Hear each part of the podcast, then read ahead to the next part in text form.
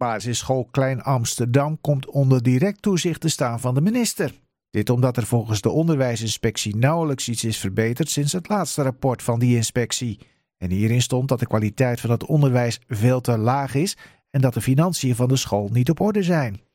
De problemen zijn nu zo erg dat de minister er hoogstpersoonlijk aan te pas moet komen en die concludeert op haar beurt dat het voortbestaan van de school zeer onzeker is. Het parool meldt zelfs dat basisschool KC Mokom al klaar staat om de kinderen uit de groepen 7 en 8 op te vangen. Aan de lijn nu schooldirecteur Roel Schoonveld, die de inmiddels opgestapte interim-directeur Joke Middelbeek vervangt. Meneer Schoonveld, welkom in de uitzending. Ja, dank u wel. Ja, het klinkt alsof u kapitein bent geworden op een zinkend schip. Ziet u dat ook zo? Nou ja, een, een kapitein op een schip dat misschien wel even in problemen zit en zou kunnen zinken, ja. Nee, het is nu even een moeilijke periode, maar ja, wat niet in uh, het verhaal staat, is dat er sindsdien al heel veel dingen verbeterd zijn. Oh, de onderwijsinspectie heeft juist geconcludeerd dat er weinig tot niets gebeurd ja, is, toch? Ja, die hebben, dat niet, die hebben dat niet goed geconstateerd, wat mij betreft. Op een aantal punten in ieder geval niet. Ze zijn één dag even op een flitsbezoek geweest, dat was ruim een week voor ik kwam. Uh, nou, ik heb ze dus zelf niet ontvangen. En ja, los van het feit dat het wel merkwaardig was dat ze aan leraren vroegen van... zeg, wat gek dat je hier nog rondloopt, je krijgt toch geen salaris meer? Nou, dat vind ik gewoon onbehoorlijk gedrag. Maar dat betekent dat ze kennelijk een, een vooroordeel hadden wat ze even bevestigd wilden zien. Dat vind ik geen goede situatie. Ja, maar nou heeft u wel één probleem volgens mij. Dat de inspectie wel degene is die de school beoordeelt. Nou, uh, dat is zo ja. Ja, is het daarom dan niet toch een zinkend schip? Nou, dat denk ik niet.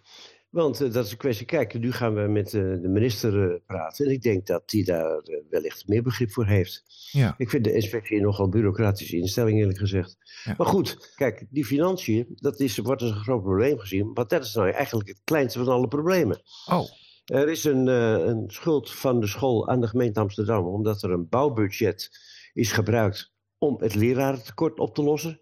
Had natuurlijk die gemoeten, duidelijk, dus dat geld moet terug naar de gemeente. Maar de gemeente heeft bij, bij de persoon van uh, de wethouder zelfs gezegd van... daar kunnen we een regeling over treffen, daar komen we zeker uit. Uh, de gemeente heeft natuurlijk geen belang bij dat de school dichtgaat, want dan krijgen ze geen cent meer. Dus dat er een afspraak wordt gemaakt dat het bijvoorbeeld over, weet ik veel, acht jaar wordt uitgesmeerd, wat niet eens nodig is. Dat, uh, daar komen we uit. Dus financieel is dat een van de kleinere dingen. Nou, er is nog een ander probleem op financieel gebied. Dat er een subsidieaanvraag om leerachterstanden weg te werken is stopgezet door het vorige interimhoofd. Ja. Kunt u dat geld dan alsnog krijgen, denkt u? Nou, dat die, die aanvraag is opnieuw ingediend en is in behandeling. En wat maar of we dat krijgen, daar hangt het voortbestaan van de school niet vanaf. Dat is niet zozeer een, een ding. Want dat zullen we ook echt daaraan moeten besteden als we dat krijgen. En dat is wel goed. Want die leerachterstanden zijn natuurlijk ook klein Amsterdam. Er zijn natuurlijk ook kinderen met een uh, achterstand en die moet je helpen. Uh, maar dat, is een, uh, dat gaat om een relatief klein bedrag, klinkt misschien gek. Het gaat om een paar ton en dat uh, moeten we ook echt daaraan besteden. Als we het niet krijgen, ja, dan, dan is het voorbestaan daardoor niet in gevaar. Dat is, dat is een onjuiste veronderstelling. Nou, wat is dan wel volgens u het grootste probleem? Nou ja, we hebben de, die financiële schuld. Daarnaast, er wordt nu per maand iets te veel geld uitgegeven aan personeel. Uitzendkrachten, nou, die heb ik al vaarwel gezegd. Dus dat probleem is eigenlijk, is eigenlijk al opgelost. Dan hebben we nog de kwaliteit. Uh, ja, daar moet er gewerkt worden. Maar dat is een proces. Daar hadden we ook een, ruim een half jaar voor gekregen. Of eigenlijk bijna een jaar. Want de inspectie had het doel om in juni weer langs te komen. Nou, dan moet er intussen veel... Daar wordt, gebeurt al heel veel. Er, is heel veel, er zijn nog heel veel uh, onderdelen van een plan tot herstel... waarbij dat allemaal beter wordt. De inspectie dacht dat bijna geen enkele leraar bevoegd was. Het omgekeerde is waar.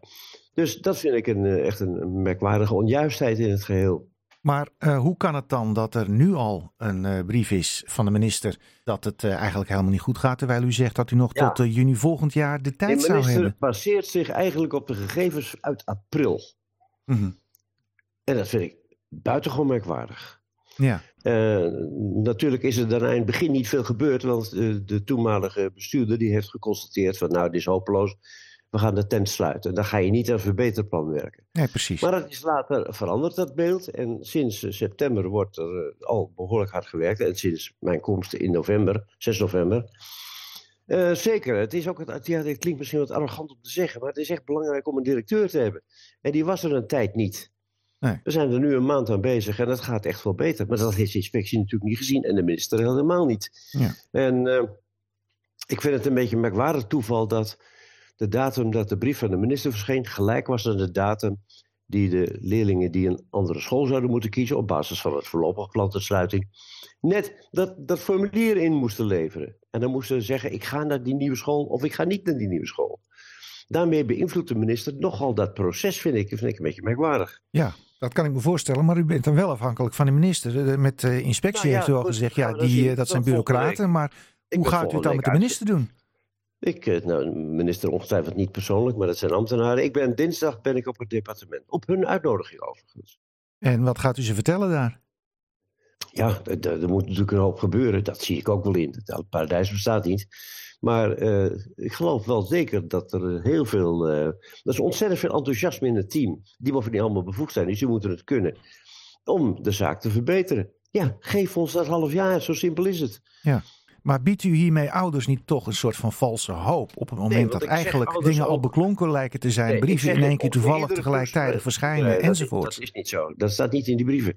Ehm, mijn eh, mededeling aan de ouders op ouderavond, ik heb er nu al twee gehad, eh, is: ik kan geen zekerheid bieden. Maar ik vind het onverantwoord, zolang er kans is om die prachtige school open te houden, om hem dan te sluiten. Juist op die leeftijd. En dan ook nog halverwege het schooljaar was het idee.